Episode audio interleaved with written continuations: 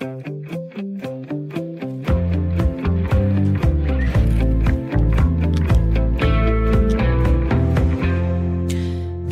hele Københavnsområdet skal man have mundbind på på restauranter, dog ikke når man spiser, og begrebet natteliv er efterhånden så meget sagt, der skal nu lukkes ned kl. 22.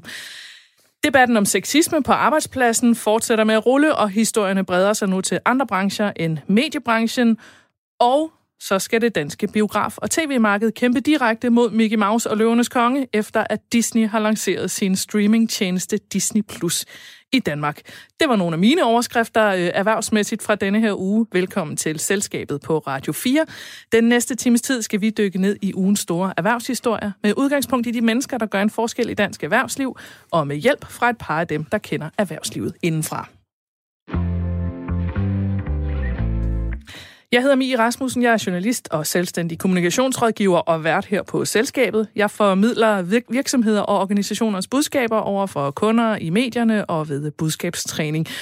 Og ved min side er du endnu en gang Jens Christian Hansen, mangeårig erhvervskommentator det... og, og sønderjyde.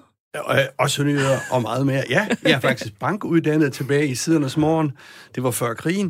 Uh, nej, jeg har været uh, erhvervsjournalist nu i 30, par 30 år. De sidste mange år fungeret som uh, erhvervskommentator på uh, Jyllandsposten og Berlinske. Men og nu som, er jeg mig selv. Og nogen, som mås- måske også kan analysere sig frem til, det er dig, der er talmanden af os to. Okay. og øh, som altid har vi også to paneldeltagere i studiet. Øh, den ene er dig, Henrik Stenmann. Velkommen til. Jo, tak. Endnu en gang CEO og stifter af IIH Nordic, bureau inden for digital strategi, og øh, dem med fire dages arbejdsuge. Ja. Præcis.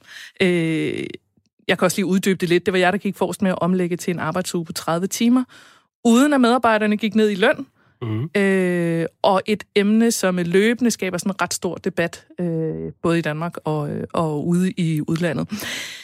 Og lad os lige starte med dig. Øh, hvad har fået bølgerne til at gå højst hos jer i, i H Nordic i den her uge? Jamen, der er ingen, der er ingen tvivl om, at, at det ene, det er i, i forhold til hele det her genstartsprogram, vi kommer til også at skulle, skulle nævne. Øhm, der er ingen tvivl om, at det, der vi har øh, talt om, det er den der måske øh, mere fokus på digitalisering og kompetenceudvikling, som vi, vi faktisk ikke synes, der er så meget af. Ja. Så det har været noget af det, der har at bølgerne er gået højt på, eller kan man sige, vi har talt om internt mm. i, i huset. Og det kommer vi helt sikkert også mere ind på i dag, fordi den anden gæst, vi har i dag, det er dig, Frederikke Schmidt. Velkommen til. Jo, tak. CEO og stifter af det, der hedder Rockamore Shoes, der laver især højhældede sko med ortopædiske såler, som man kan gå i uden at få ondt i fødderne. Ja. Er det rigtigt beskrevet? Lige præcis. og så er du nemlig også formand for regeringens genstartsteam inden for det, der hedder mode og tekstil. Mm-hmm. Øh, så det skal vi selvfølgelig også tale lidt mere om, og derfor øh, det giver næsten ikke nogen mening at spørge dig om, øh, hvad der har været den største begivenhed for dig den her uge. Ej, det er rimelig meget det. Ja. Godt nok. Jamen, så, øh, så synes jeg ikke, vi skal gå mere i dybden med det, men bare øh, komme lidt videre med dagens program. Som vi siger her i selskabet, så sidder der bag enhver erhvervshistorie nogle mennesker, der træffer beslutningerne. Og øh, jeg luftede jo lige nogle af de erhvervshistorier, der har fyldt mest hos mig i denne her uge. Øh, og Jens Christian, nu, jeg har, er jo også en del af en børnefamilie, så vi går meget op i det der med Disney og sådan noget, det har selvfølgelig fyldt lidt for os i den her uge. Øh, men lad os lige tage fat i dansk erhvervsliv. Jens, Christian, hvem er, øh, hvem, hvad for nogle centrale personer har vi øh, skulle lægge mærke til den her uge? Jeg har kigget på tre personer, som øh, jeg synes har skilt sig ud, og den ene hedder Jan Bø, og så siger du, hvem delen Hvem er Jan, Jan Bø? Bø? Ja. Han er topchef i det, der hedder Jysk, altså Lars Larsens Han er den nye Lars Larsen, så? Han er den nye Lars Larsen, ah, kan du ah, sige. Ja. Uh, de kom med et rekordregnskab uh, oven på coronasituationen og den store omvæltning efter Lars Larsen. Han døde jo her for halvanden år siden, så det er spændende at se, om de kan fortsætte med at udvikle det i Lars Larsens ånd. Kan man måske lige vende tilbage til. Så har jeg en anden en. Øh, han bor nede på Alt. Han hedder Bent Jensen, og han er direktør for en virksomhed, det hedder Linak, sådan en hæve sænkebordsproducent. Øh, den er faktisk meget stor, adskillige tusinde medarbejdere. Hvorfor er han interessant? Fordi han i den her uge er ude at sige, at de har haft en kinesisk spion inde på virksomheden, som gik og fotograferede Uh, og det er ja. faktisk et stigende problem i dansk erhvervsliv. Det er hele den der spionagedel. Uh, Velux, vores store vinduesfabrikant, har også en sag kørende, en meget kulørt sag, kørende i Polen med vold og trusler om død og så videre og så videre. Mm. Og en sidste, det er også noget Vestas, ved jeg, er ret meget Vestas, udsat for ja, ja, ja. i vindmølleindustrien. Altså, det er et stigende problem med uh, industrispionage. Vi mm. hører bare ikke så meget om det. Og den tredje, øh, jeg har tænkt på at lige pege på, det er en, der hedder Troels Ørting. Han er sådan en cybercrime-ekspert, som sidder i det europæiske udvalg, og han blev jo her for nylig udpeget til Finanstilsynets bestyrelse. Det er en meget magtfuld bestyrelse i hele finanssektoren. Uh, og så kom det jo et ramaskrig, fordi da han havde været, øh, tidligere været sikkerhedschef over i en engelsk bank, der hedder Barclays, så havde han jagtet en whistleblower, altså en, der har fortalt noget om øh, i, øh, i, i banken, som ikke skulle foregå, og så havde han jo jagtet denne whistleblower. Det er ikke smart. Han måtte trække sig fra Finanstilsynets bestyrelse i den uge. Han var altså ikke værdig til at sidde i Finanstilsynets bestyrelse. Altså umiddelbart efter, han er blevet udpeget? Ja, umiddelbart. Okay. Øh, to dage efter, tror jeg, det var. Whistleblowers, de er beskyttet øh, i dag. Ja. Øh, og det var så et par af de personer, du synes har været mest centrale i den her uge. Frederikke og, øh, og Henrik. Øh, er der nogen, der popper op i jeres hoved? Er der nogen, vi har glemt? Altså, jeg har fokuseret på genstartsteamet, så jeg kan kun snakke om dem, der har siddet der. det er det eneste, jeg kan sige. Fair nok. Ja. og så er der ingen tvivl om, øh, som vi også skal tale om, øh, hele øh, Mads Nippert, der ja. er kommet til Ørsted, synes jeg er et scoop for Ørsted uden lige, og, og også sagt direkte, det er et kæmpe tab for, for Grundfos. Så, så det, det synes jeg har været ret spændende at følge. Og ganske som du siger, ham kommer vi også ind på lidt senere i udsendelsen. Men vi skal også til øh, det emne, jeg lovede, øh, at vi kommer mere ind på, de her genstartsteams, fordi øh, som vi har talt om en del gange allerede her i selskabet, så øh, er politik og erhvervsliv tættere forbundet end nogensinde før. Øh, og i forbindelse med coronakrisen, så har Erhvervsministeriet nedsat en række såkaldte genstartsteams, bestående af netop erhvervsfolk, der skal komme med deres bud på genstarten af dansk økonomi, genstarten af dansk eksport. Øh, lad os lige starte hos dig, Frederikke, fordi du blev så udpeget som formand for teamet inden for mode og tekstil. Mm. Hvordan foregår det at blive udpeget som formand for sådan et team? Det var øh, en ret hyggelig oplevelse. Der, var, min telefon ringede en lørdag morgen, hvor jeg var på vej til øh, brunch med min mor, og så var der en, der sagde, hej, det er Simon og så sagde Som jeg, vi jo alle sammen kalder ham. ja, og så sagde jeg, Simon, hvem? Og så sagde han, nå, Simon Kollerup. Nå, hej, godmorgen. Og jeg husker det, fordi jeg stod af cyklen. Normalt så tager jeg også telefonen på cyklen, og det kan man jo så sige, om man må eller ikke må. Men det plejer at fungere meget godt. Men der stod jeg af cyklen og tænkte, så må jeg hellere gå. Jeg må hellere gå, når ministeren ringer ja. i telefonen. øhm, og så spurgte han mig, om jeg, ville, uh, om jeg ville være en del af det projekt, der hedder Genstartsteam for, for mode og tekstil, og være med til at uh, sætte nogle retningslinjer for, hvordan vi tror på, at, uh, at Danmark kunne starte mode og tekstil igen, uh, specielt inden for eksport. Ikke? Mm. Øh, du skal selvfølgelig lige have lov til at uddybe, hvad jeres meldinger så var, men Jens Christian, kan du lige prøve at rise op, hvad, hvad er de her genstartsteams, hvad er deres ophav? Altså, hvad var, hvad jamen, var opgave, altså, opgaven? Jamen, ophav, det er jo, som Frederik siger, det er fokus på eksport. Uh, det gik jo ned uh, på mange markeder gik jo øh, ned øh, i forbindelse med coronakrisen, så har man jo en tanke om, at, at man skal have genstartet øh, den positive udvikling i eksport i de fleste øh, eksporterhverv, og så nedsatte man jo herfor, blev vi enige om, en måned siden, tre uger siden, ja. et hurtigt arbejdende udvalg, meget hurtigt arbejdende udvalg, som skulle komme med nogle punchlines, kan man vel sige. Der er lidt penge hæftet på det her, 485 millioner kroner, tror jeg det er, alt i alt. Uh, jeg ved ikke så ikke, hvordan de bliver fordelt, det kan vi måske lige vende tilbage til. Men pointet er, at at, øh, at øh, vi skal have genskabt den, øh, den, øh, den øh, eksport, og som jeg lige kan se, så er det to hovedingredienser i de svar, de er kommet med. Det er risikovillig kapital og likviditet, altså penge, penge, penge, mm. og så udvide mulighed for at rejse, altså for erhvervslivet at komme ud. Vi er jo en nation af købmænd, så vi skal ud og sælge vores varer. Det er sådan to, der er selvfølgelig mange flere øh, i de enkelte øh, otte teams, men det er sådan to af hovedingredienserne i det her. Ja, ikke inden for vores øh, branche. Så øh, modetekstil er ikke, har ikke en anbefaling, der går på rejser. Godt. Øh, vi er egentlig nok den branche, eller i hvert fald en af dem, der lykkedes med at løse det ret godt. Så øh, folk har lavet øh, de vildeste øh, online-platforms og lavet seje tiltag, der ligger digitalt, for at løse rigtig mange udfordringer til, hvordan kan man sælge til folk, man er vant til at mødes med, og hvordan kan man sælge uden at stå på den messe, man plejer at stå på.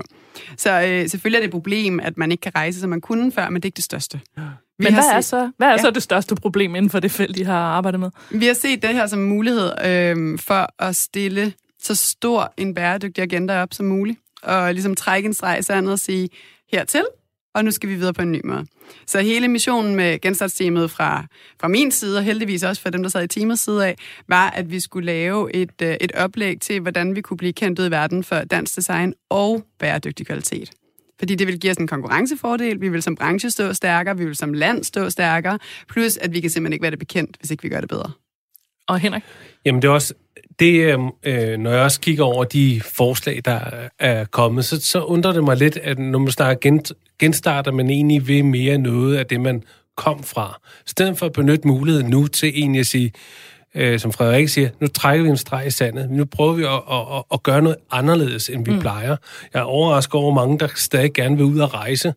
Øh, I stedet for at sige, prøv her, det giver måske muligheden for at blive endnu mere digitaliseret og gøre op med, skal vi hele tiden uh, rejse, skal vi hele tiden have de der uh, møder, kan vi gøre det på en anden måde? Mm. Uh, og der, der savner jeg helt klart i det her oplæg uh, meget mere digitalisering, for mm. det kan jeg se, at de virksomheder, der har været digitale parate på corona, de klarer sig rigtig godt. Selv brancher, hvor de er tynget, med, øh, med undtagelse af måske rejsebranchen. Mm. Men, men ellers rigtig mange virksomheder, der har været digitalt parate for alvor, de har klaret det øh, og det gør dem, der ikke er. Øh, så det savner jeg. Men, men, men altså, er det ikke to spørgsmål i det her? Fordi det der med bæredygtighed og, og hele den der grønne osv. osv., er det ikke langsigtet? Jeg er godt klar over, at vi skal tage fat i det nu. Men er det ikke en masse virksomheder, hvis jeg har forstået det ret, du må korrigere mig, Frederik, som og nu er det hende branche måske ikke den hårdest ramte, det ved jeg ikke, men som skal have hjælp her og nu, altså nogle her og nu øh, øh, øh, øh, hjælpepakker til at, ligesom at komme over en voldsom nedgang i eksporten? Jo, altså øh, for det første så øh, kom alle de her penge med strings attached. Så øh, vi må ikke røre ved momsen, vi må ikke øh, sætte CO2-skat på, vi må ikke komme på hjælpepakker. Vi må ikke blande os i hjælpepakker. Så der er en, en bestemt måde, vi ligesom kan arbejde på at udføre arbejdet. Ikke? Øhm, og øh, generelt set er modetekstil gået mellem 20 og 40 procent ned, afhængig af, hvad det er for et, et underområde, de arbejder indenfor. Så, så de lider, men de er bare lykkedes med at, øh, at at gentænke rigtig mange af problemstillingerne fra et mere bæredygtigt synspunkt af sig selv. Og jo, man kan godt sige, at i morgen kan jeg jo ikke redde verden, men hvis jeg 23 øh, procent af hele CO2-udledningen ligger hos forbrugerne, det vil sige, det tøj, du og jeg køber smider ud, eller ikke rigtig gider at genbruge, det er 23 procent af CO2-udledningen. Hvis nu der er nogen... Altså inden for jeres industri? Ja. Okay. Øh, hvis nu der er nogen, der kan finde ud af, hvor, hvordan genanvender jeg det bomuld, du har i din skjorte, så jeg kan lave en ny skjorte af samme kvalitet, så har jeg for det første sådan en first mover fordel ude mm. i resten af verden, fordi mm. det er sejt, at Danmark kan det. For det andet, så øh, er det bedre for verden. Så der er selvfølgelig nogle ting, som vi skal sætte i gang nu. Så er der nogle andre ting, vi kan gøre i morgen. Vi kan lave en matchfinansieringsordning. Det har vi øh, som en af anbefalingerne. Hvad betyder det? Det betyder, at hvis der er nogen, der kommer med penge, så er der nogen, der matcher det. Meget øh, kort øh, det skal vi lige op. uddybe. ja. Hvis der er nogen, der kommer med penge, så matcher man det. Ja, altså det, det vi har lagt op til, det er det, som Vækstfonden har i øjeblikket, som hedder en 3X. Det betyder, at øh, hvis du kommer og siger, at du gerne vil investere i Rockamore med øh, en million kroner, som en øh, privat business angel, så matcher de med 3 som et lån. Ah, så kan man få triple op på det. Ja. Ah. Øh, og det kunne jo være spændende for den til at fortsætte, men inden for øh, grønne omstillingsprojekter øh, mm. eller deciderede bæredygtige forretningsmodeller. Ikke? Øh, det andet, vi har lavet, det er også en indstilling til, at øh, virksomheder får hjælp og, øh, og støtte og også ressourcer til enten at blive certificeret eller få lagt en bæredygtig strategi. Og det er selvfølgelig heller ikke noget, jeg løser i morgen, men Zalando er som en af de første store platforme begyndt at kræve, at alle deres samarbejdspartnere, de skal være certificeret inden for det, der hedder HIG-indekset. Det er ekstremt dyrt og ekstremt op ad bakke at blive, og det vil jeg som lille virksomhed aldrig kunne løse alene. Så hvis der er nogen, der kan hjælpe mig, så kan jeg måske komme derhen, og hvis ikke der er nogen, der kan hjælpe mig, så kan jeg jo ikke sælge der. Det gør jeg så heller ikke, men det er der jo mange, der gør. Det er vigtigt for vores eksport, at vi ikke bliver øh, begrænset. Øh, Frederik, øh, lige præcis tekstilindustrien er jo meget udskilt for, øh, på grund af de her virkelig dårlige sager, der har været over de seneste år med H&M, der brænder kæmpestore tøjlager yes. af og alt sådan nogle. Og når jeg siger det, så er det, jo, så er det jo ikke kun mig, der tænker over det. Det er ligesom det, det er på en eller anden måde et billede på en, en, en, en, en industri, der har et kæmpestort problem. Øh, ja. Hvad ser du som det allerstørste, den allerstørste udfordring lige nu for tekstilindustrien? Fordi man kan sige, at genstartsteamets arbejde har måske bevæget sig lidt inden for det mulige kunst, inden for de midler, der var, og, og det de opgaver, I havde. Hvad ser du som den største udfordring? Øhm, faktisk lidt det, Henrik sagde. Det der med back to, back to normal. Det der med, at man siger, øh, vi vil gerne gøre det samme, vi altid har gjort. Vi vil mm. gerne gøre, vi vil gerne tilbage til det, der var. Og ja, det er der rigtig mange virksomheder, der gerne vil. Og som er ny, nyt tøj fire gange om året. Og, ja, ja. Og der er helt vildt meget tøj, som ikke er blevet solgt. Lad os få det ud over stepperne. Der er 12 kollektioner, der skal planlægges næste år. Lad os få dem i gang. Der er møder, der skal organiseres. Mm. Der er øh, udsalg, der skal organiseres. Øhm, der er rigtig meget sådan, brug og smid væk ballade, som vi er vant til, som, øh, som får en, en god omsætning og en masse kleiner i kassen. Så lad os få lavet noget mere af det. Altså, jeg er bange for, at det er den, der, den øh, argumentation, der var tungest. Mm. Mm. Men hvis jeg lige må stille et spørgsmål her. Altså hele den der, øh, hvad skal man sige, tendens med at bruge tøjet så mange gange, som jo også nogle virksomheder, de store virksomheder går ind i, det må jo øh, uh, disrupte, for nu at bruge uh, et gammeldags ord efterhånden, at hele, hvad skal man sige, uh, den store modeindustri, der er klar til at lave de der fire kollektioner, om man skal gå i sit tøj to gange, eller hvad det er, og så smide det ud. Altså, hvad betyder den der genbrugs øh, idé. Jeg ved ikke, om I bruger ordet genbrug. Det er sådan et øh, frygteligt ord, ikke? Men, men, genanvendelse bruger de. Genanvendelse. Ja. Hvad betyder det for... Nu er jeg også talmand. Hvad betyder det for økonomien i, dit, i hele øh, din industri? Men altså lige nu, øh, jeg er jo ikke øh, klog på bomuld i stor, i bred forstand, vel? Jeg ved alt om sko og ja, om læder, ikke? Så ja, ja. jeg, jeg kloger mig i let forstand for tekstiler, skal det lige siges. øh, det viser det, jeg har lært her de sidste 14 dage. Men, øh, men så vidt jeg kan fornemme, så øh, Sverige er enormt langt fremme. De, øh, de har noget, der hedder RISE, som er et mega cool institut, som øh, arbejder ret hæftigt på, hvordan man genanvender materialer og på virkelig mange andre bæredygtige tiltag. Det stiller dem stærkere ud i verden. Det betyder også, at hvis IKEA kan komme med et eller andet sejt lagen, som er genanvendt af noget ballade, så har de et marketingsargument, øh, et PR-argument, som, som alle dem, der også sælger laner, ikke har. Men derudover så vil jeg ved med, at på den lange linje, øh, der vil det nok koste det samme. Jeg tror ikke, vi kan gå efter, at det bliver billigere, men det vil nok koste det samme. Men til gengæld vil du så spare på al den udlænding, der kommer i verden. Så altså, du vil stå for en bedre verden, og på et eller andet tidspunkt, der kommer der jo CO2-skatter og penalties, og man bliver også EU-reguleret lige om lidt på alle mulige øh, parametre inden for bæredygtighed. Så man kan lige så godt gå i gang nu? Ja, fordi ellers så kommer du til at betale, at, altså, down the line kommer du til at betale et eller andet for det. Henrik, du havde en, et Jamen, det er også, jeg, jeg tror også, tiden er meget moden til, øh, også i sådan generelt, generelt spektrum, at sige, det handler nu om mere at gøre det rigtige. Øh, selvfølgelig skal der være økonomi øh, bag ved de ting, vi gør, øh, som måske ikke bare hovedløst kaste ud i det, men det er noget med at gøre det rigtigt og kigge egentlig på den lange bane i en omforanderlig verden. Øh, men så det er vel det, også svært at gøre, hvis man er presset på pengepunkt, som alle er lige nu? Det, øh, Ja, men, men det er jo måske også et opråb til at sige, at vi burde have gjort det her måske for længe siden, øh, havde taget det opgør. Hvorfor skal der en krise til? Hvorfor skal der øh, noget modstand til, at man gør det? Vi er jo selv et godt eksempel på, at vi med vores fire dages arbejdsuge har gjort op med øh, den måde, vi arbejder på.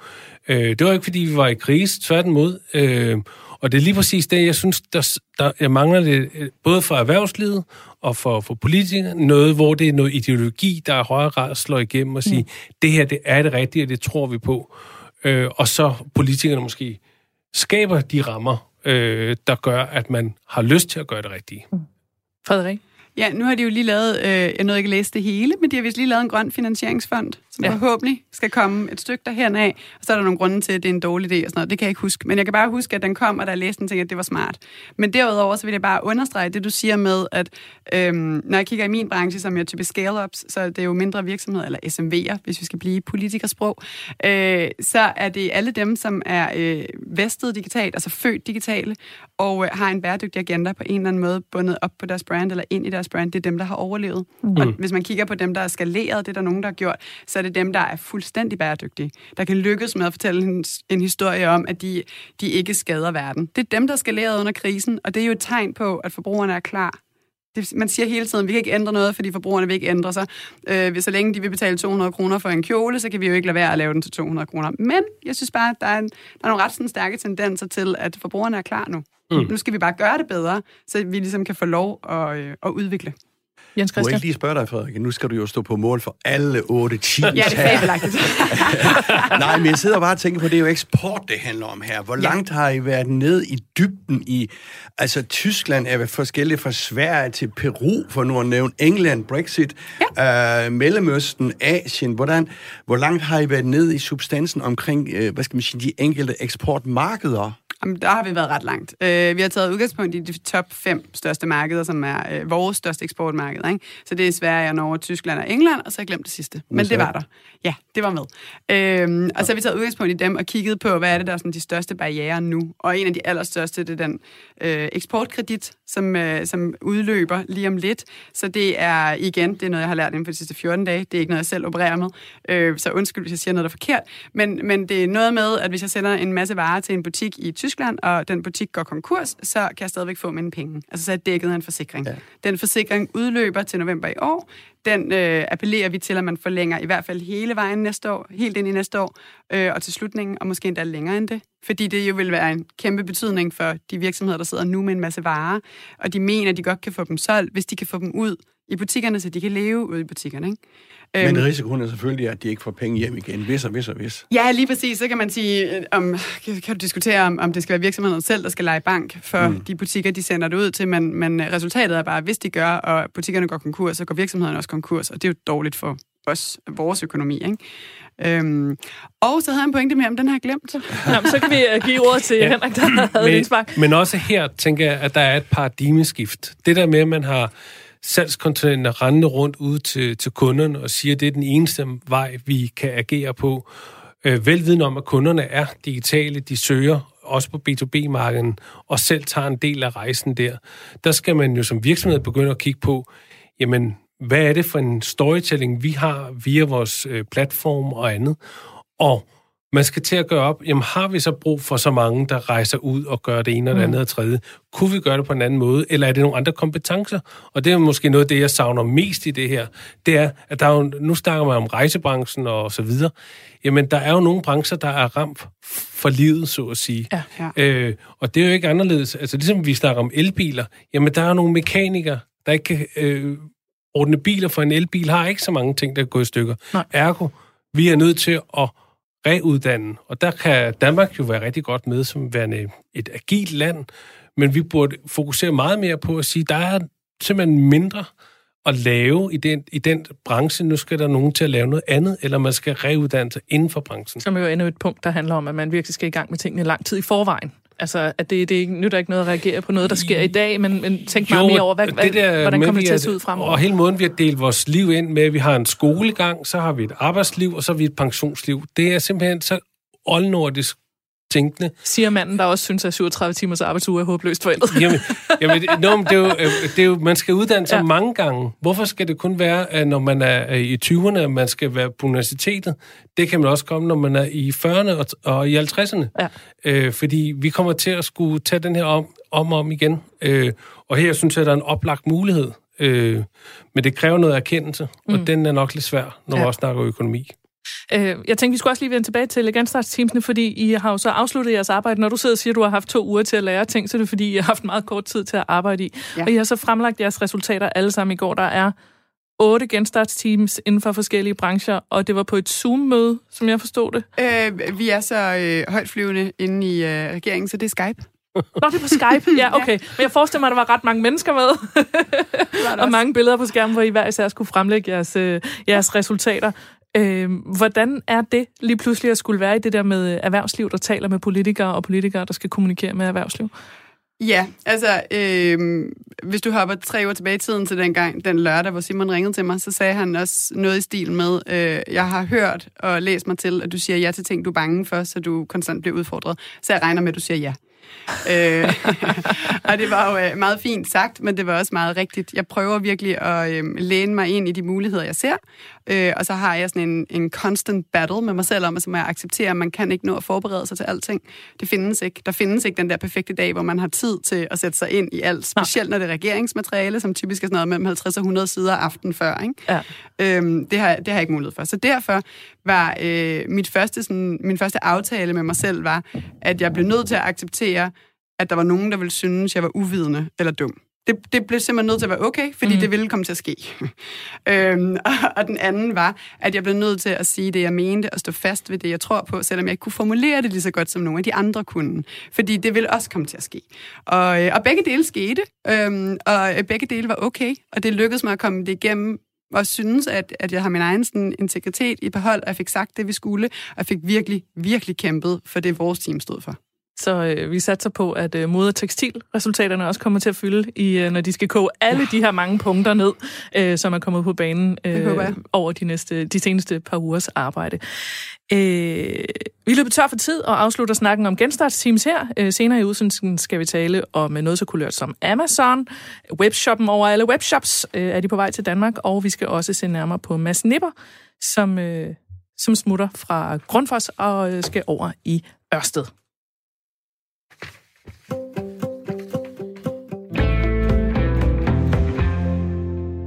Vi er godt i gang med selskabet på Radio 4, hvor vi dykker ned i ugens store erhvervshistorier og sætter fokus på de mennesker, der gør en forskel i dansk erhvervsliv. Jeg hedder Mie Rasmussen, jeg er journalist og kommunikationsrådgiver, og i studiet er min faste medvært, erhvervskommentator Jens Christian Hansen. Hej med dig. Hej med Og øh, i panelet i dag, Henrik Stenmann, CEO og stifter af IIH Nordic, byrået, der var de første i Danmark med en fire-dages arbejdsuge. Velkommen igen. Jo, tak. Og øh, også hej til dig, Frederik Schmidt. Øh, CEO og stifter af Rockamore Shoes og formand for regeringens genstartsteam inden for mode og tekstil.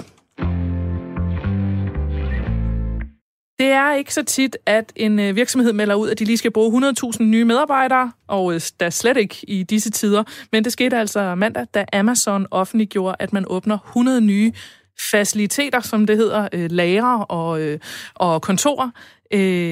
Og de her job, de er altså i USA og i Kanada. Men det har også betydning for Danmark. Det her, det er den fjerde kæmpe ansættelsesrunde, Amazon har gennemført bare i år. Og det handler naturligvis om, at nethandlen har det virkelig, virkelig godt. Og så er spørgsmålet jo, er Amazon på vej til Danmark? Øh, lad mig lige spørge jer alle tre på en gang. Jens Christian, Henrik og øh, Frederikke. Jeg tænker, at I ved meget mere om Amazon, end jeg gør, for jeg er sådan en, der har købt en bog, der er for 10 år siden, og så har ikke fået gjort noget ved det igen. Øh, kan I lige sætte lidt ord på, hvad er Amazon for en, for en størrelse? Jamen, jeg kan da godt starte. Øh, jamen, den er jo stiftet af en, der hedder Jeff Bezos ja. øh, i 1994. Jeg boede i New York i tre år fra 99 til 2004. Der bragede han frem på, på, på lydhimlen der og blev person of the year i 1999, og siden har han ikke set sig tilbage. Oprindeligt øh, var det jo en internetboghandel, uh, som vi måske kender. Så det var der, jeg så hoppede på. Det var da de solgte bøger. hvad, hvad man nu kunne få det. I dag er det et, øh, et mangearmet monster, vil jeg sige. Uh, jeg tror, mange kunder er glade for billige, hurtige produkter, men Uh, det griber, skal vi jo vende meget tilbage til. Det griber jo ind i alt, uh, og ikke altid for det gode. Og så kan I måske svare på, de sælger andet end bøger i dag?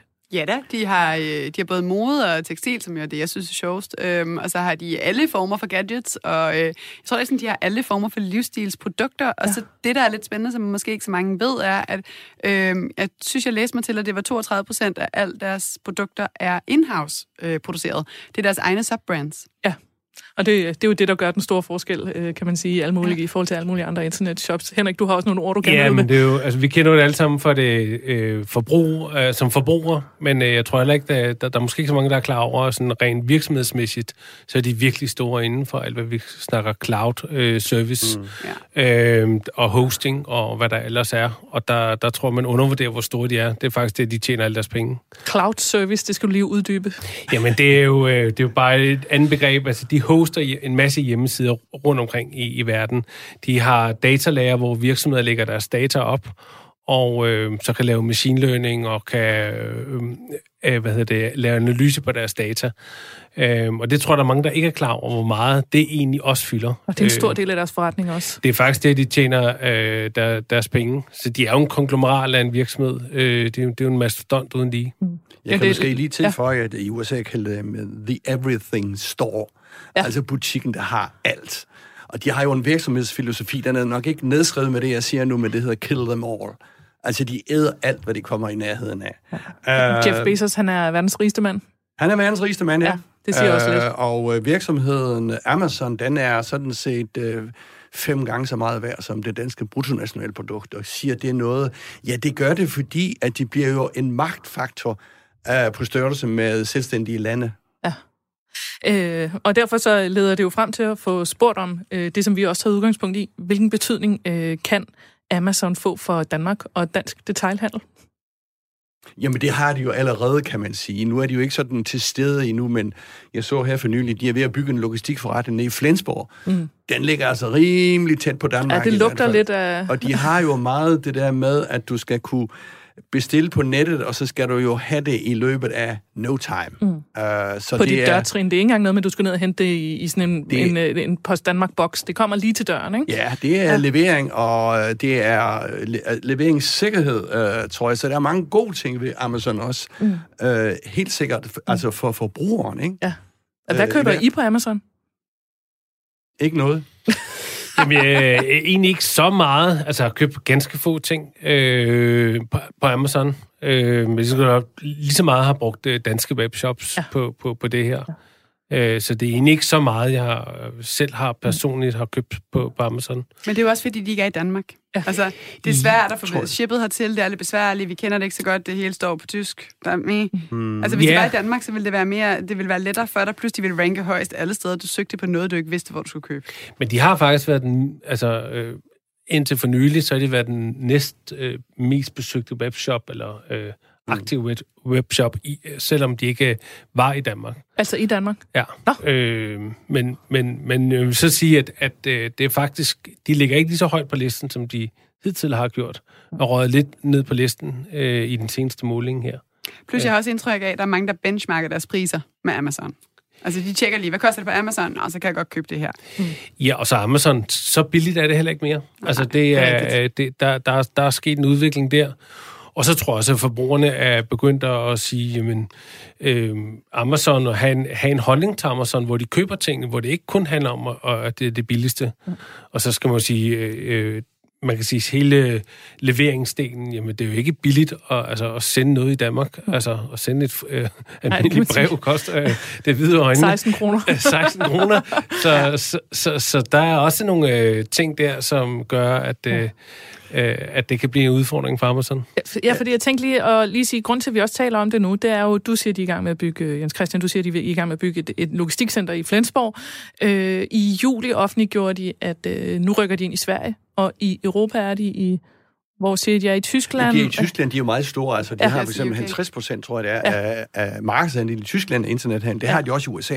Det er jo et de facto monopol. Det er jo ikke sådan, de har monopol på hårshampoo eller mm. øh, brødrester eller sådan noget. Men, men de har, hvad skal man sige, kan man sige, det har de facto monopol på, på øh, altså det bliver centreret omkring, alt skal igennem Amazon. Mm. Øh, og de, øh, de får jo nogle, de får nogle kundekartoteker og nogle big data, der siger spare to ja. øh, til, øh, til alt, hvad vi kender i verden. Frederik?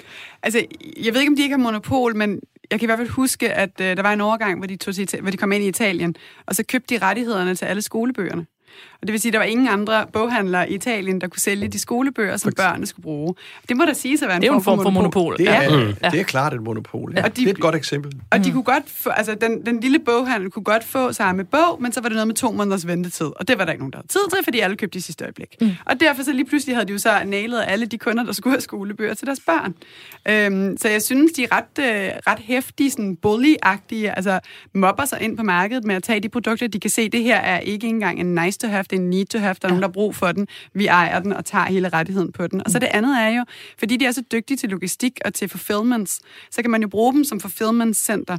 Og det kigger jeg rigtig meget på i Tyskland, for jeg kan Hvad er se, et fulfillment center? det er dem, der sender pakken. Så hvis du køber sko hos mig, så Ah. øh, det eneste, du egentlig gør hos mig, det er at, at købe den og betale, og alt andet sker over i et fulfillment center. Mm. De får så at vide, at Mia købte på sko, hun skal have denne her, så bliver de pakket ned, det skal derhen, der skal label på, returlabel, ah, og afsted og tilbage igen, ikke?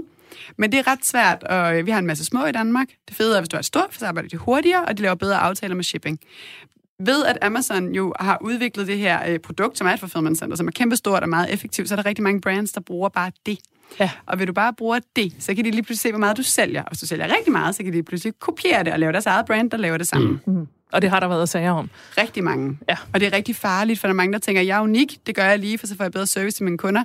Ja, men du er unik, indtil der er nogen, der kopierer dig.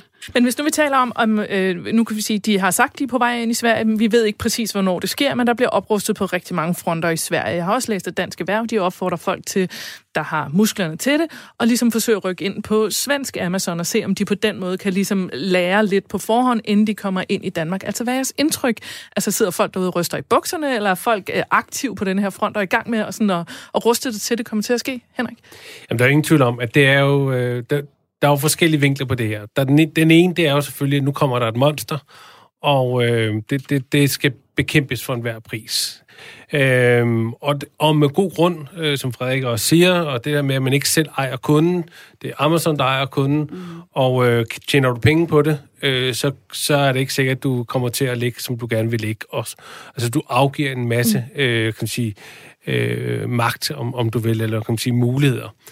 Hvis man så kigger med nogle andre øjne, så øh, nu talte vi jo meget om eksportgenstart, så er det her et, et, et, en måde, hvorpå du kan komme ud ret mange lande ret hurtigt, øh, men hvor du så egentlig giver afkald på noget, noget, kan man sige, øh, noget egen kontrol ja. I virkeligheden.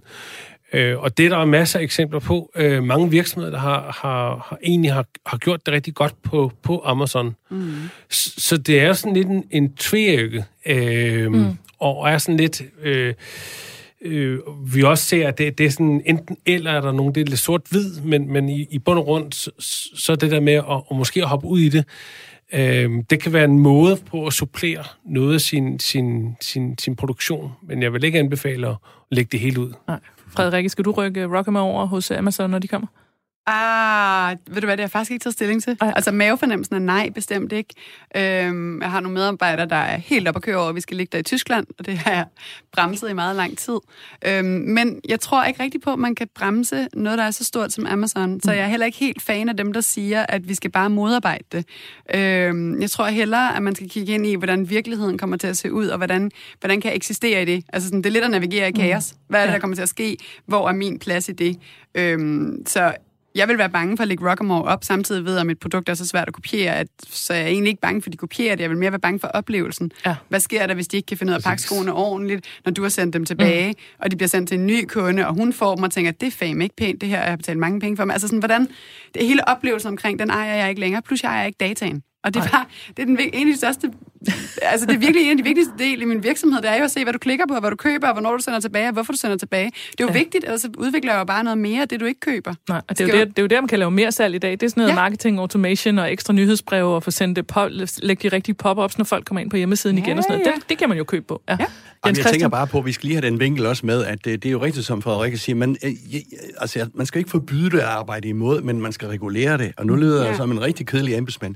Men øh, øh, Margrethe Vestager dernede i EU, øh, hvad hedder det, EU's øh, øh, konkurrencekommissær, hun er altså inde og kigge på Amazon blandt andet, ikke?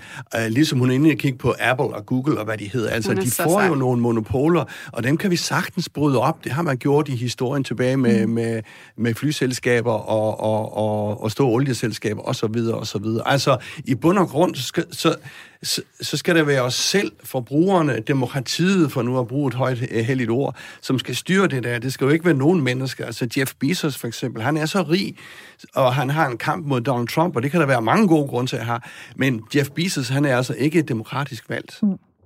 Øh, til sidst, jeg vil bare lige runde af med, øh, vi vil løbe tør for tid på, på denne her debat, men jeg vil bare lige runde af med at høre noget af det, som vi snakker rigtig meget om i Danmark, det er, hvilken betydning det får for supermarkederne.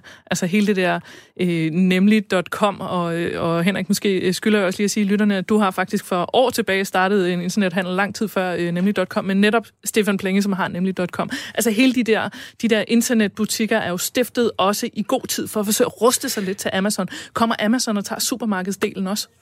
Altså, ja, der er jo ingen tvivl om, at øh, selvfølgelig kommer Amazon til at, at rykke.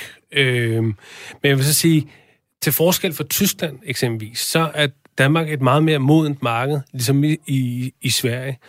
Og øh, Tyskland har været nemmere at indtage, fordi de har været så hammerne umodne. Men forbrugerne egentlig gerne vil handle online, men de har bare ikke strukturerne til det. Så der har det været nemt for Amazon. Jeg tror ikke, de får det så nemt herhjemme. Fordi Amazon, ja, de kan pris, levering og udvalg. Hvis du prøver at konkurrere på det, så taber du. Men hvis du konkurrerer på det, som Frederik er inde på, user experience, hvad er mm. kundeoplevelsen, og du også tror på, altså vi tror selv på, det du skal leve af, det er ikke at gå ud og få nye kunder, øh, kun det er, at du skal i højere grad fokusere på dine eksisterende kunder. Det bliver din, dit vigtigste asset øh, ja. øh, fremover. Og derfor, med den, med den vinkel, der vil jeg helt klart anbefale, at man øh, fokuserer på sin niche, Øh, men hvad med at have et volumenmarked, så taber du. Det, det,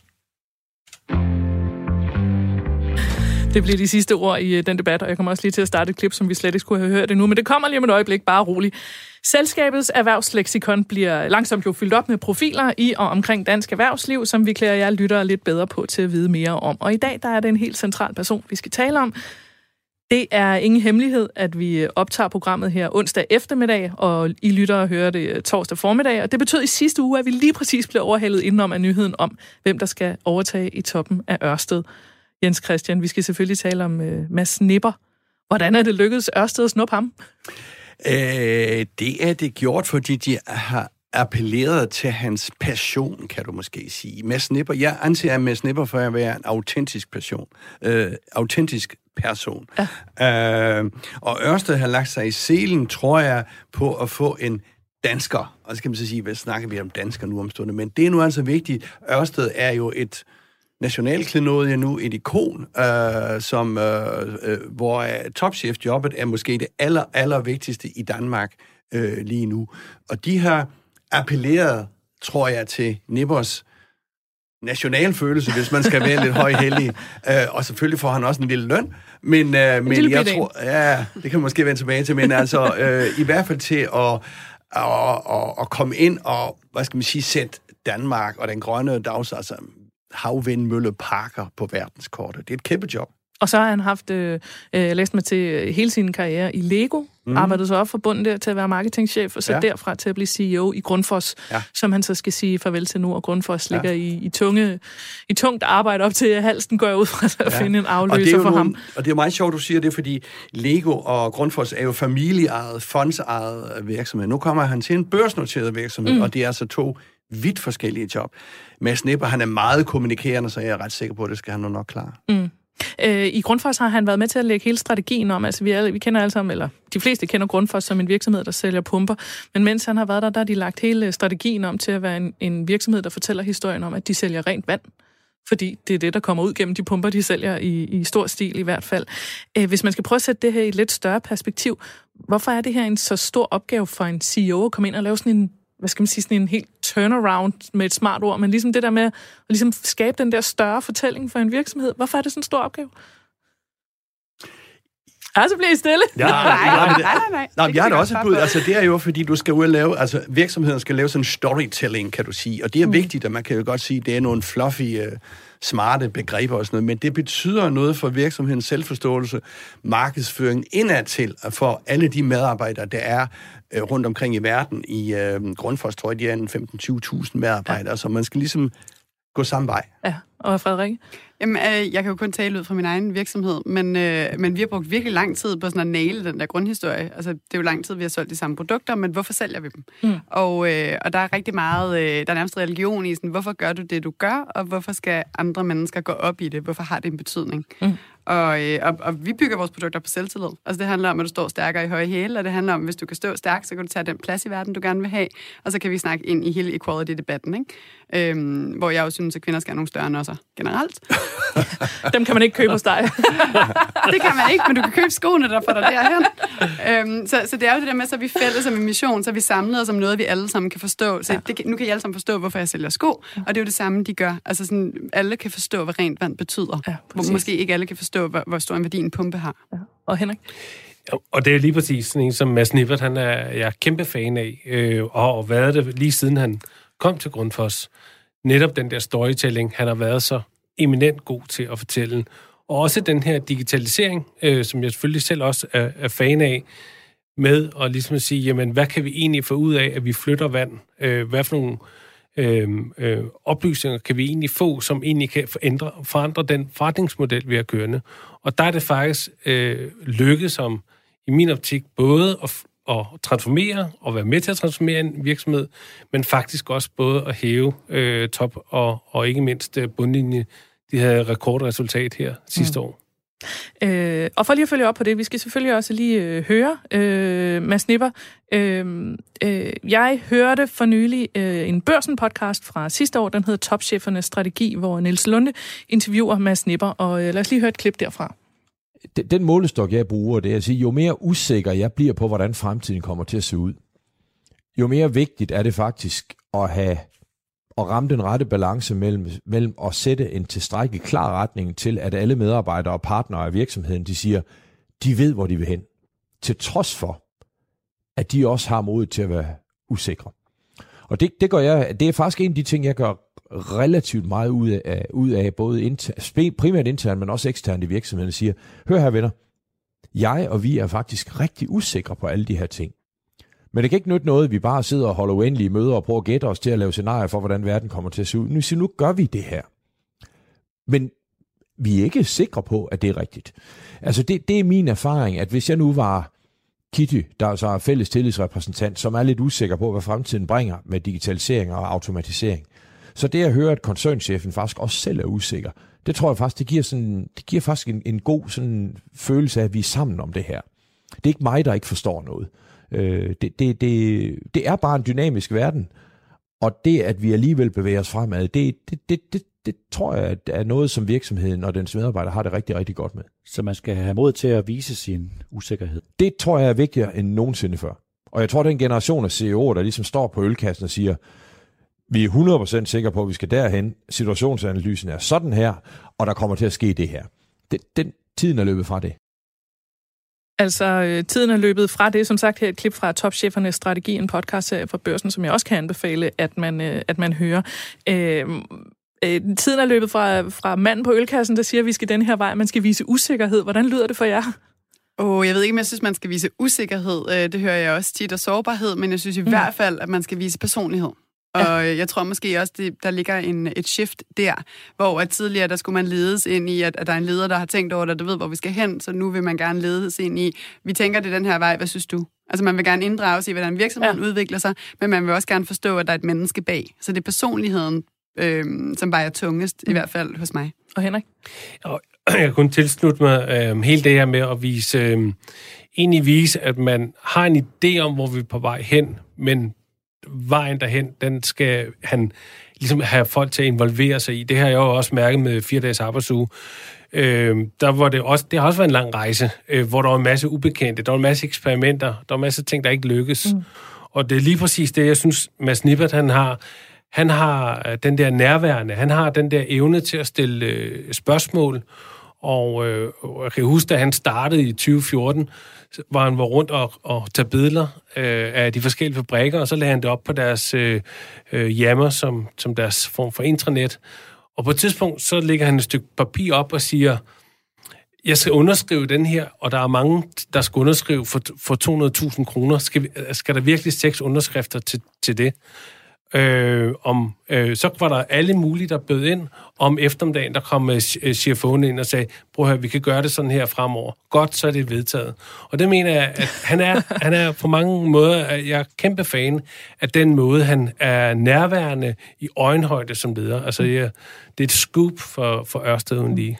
Da jeg hørte det her øh, klip, der er også en grund til, at jeg spillede det, det her klip med, at han siger, at man, at man ligesom, som du siger, Frederik, skal give noget af sig selv og sige, at det er ikke sikkert, at vi skal forfølge denne her vej de næste 10 år, for vi ved det faktisk ikke. Der kommer jeg til at tænke på det der pressemøde med Mette Frederiksen i marts, hvor hun også siger, kommer vi til at begå fejl? Ja, det gør vi. Øh, så Jens Christian, jeg, det var bare lige anledning til at høre dig. Er det noget, man ser mere af sådan i ledelse generelt, at man, at man på den måde ligesom sætter sig selv ud på vippen? Eller? Uh, det korte svar er nej, absolut ikke. Men du er jo inde på noget af det rigtige her, for jeg skrev også corona. Altså, det har jo givet uh, måske øh, hvad skal man sige, det har åbnet op for, at man godt må være i tvivl. Altså, alle ja. er jo i tvivl om, hvor vi er på vej hen. Virksomhederne er i tvivl om, hvordan de skal guide med hensyn til virksomhederne. Og øh, nu tør Mads Nipper sætte sæt, sæt ord på det her, men jeg er jo meget enig i, at øh, tvivl må godt komme ud, men til, altså, vi tager den tvivl med, men så tager vi beslutningen. Altså, jeg tror ikke, Mads Nipper, han er en svag leder. Jeg tror, han er en stærk leder, og, og det er måske de nye, vi kan, vi kan se fremover her. Det er jo, øh, det er jo pynte i den der machokultur. Ja. Der er også, øh, jeg tænker også, der er sådan lidt en pointe i, at man typisk arbejder med, øh, som brand, så skaber du et community uden for brandet. Ikke? Det er dine kunder på en eller anden måde, det er et community. Og inde i virksomheden, der skaber du kultur. Og, øh, og det er noget, vi i hvert fald arbejder meget med i vores virksomhed, og min virksomhed, hvor jeg tænker, hvorfor kan det ikke gøre det samme? Begge dele er jo en community Øhm, så inde i min virksomhed, der er det jo også et community, hvordan de opfører sig. De er jo også ambassadører, fordi de skal jo ikke arbejde hele deres liv, så på et eller andet tidspunkt skal de jo videre og lave noget andet, så de er jo en ambassadør for, hvad Rockermore er internt. Mm. Og det er jo det samme her, bare i meget større perspektiv. Ikke? Ja. Men det her med, at han jo skal skabe et community, og det gør man ved at inddrage folk beslutninger, som Henrik snakkede om før, det her med, hvordan er det, vi gør noget sammen? Hvordan bygger vi det op sammen og former vejen sammen? Det betyder, at folk føler sig hørt og føler sig set, men også, at de får en fornemmelse af, at vi er sammen om det her, og det er jo community. Så står du stærkere som virksomhed. Det kan kun være godt på bundlinjen. Mm. Jeg har et aller sidste spørgsmål til sidst, og vi har kun et minut tilbage, så det skal gå meget, meget kort, øh, meget hurtigt. Jeg læste, øh, at Mads Nipper bliver kaldt for en mand i gåsøjne, som alle kan lide. Er det sådan noget, journalister hopper på, fordi de synes, det er meget sjovt at skrive, eller kan det lade sig gøre at være CEO og samtidig være en person, som alle mennesker kan lide? Nej. Jeg Christian siger nej. Selvfølgelig er der også u- øh, upopulære beslutninger, men, men, men jeg, jeg tror, han er meget likable, fordi han taler ind i den tidsånd, vi lever i, mm. øh, 100 procent. Mm. Frederik, kan alle lide dig som chef? Øh, det tror jeg ikke. øh, det vil jeg gerne have, men det tror jeg, det realistiske svar nok er, at det kan de ikke. Jeg tror, det er umuligt at sige alle, men jeg håber, vi kan komme så tæt på, som Henrik siger.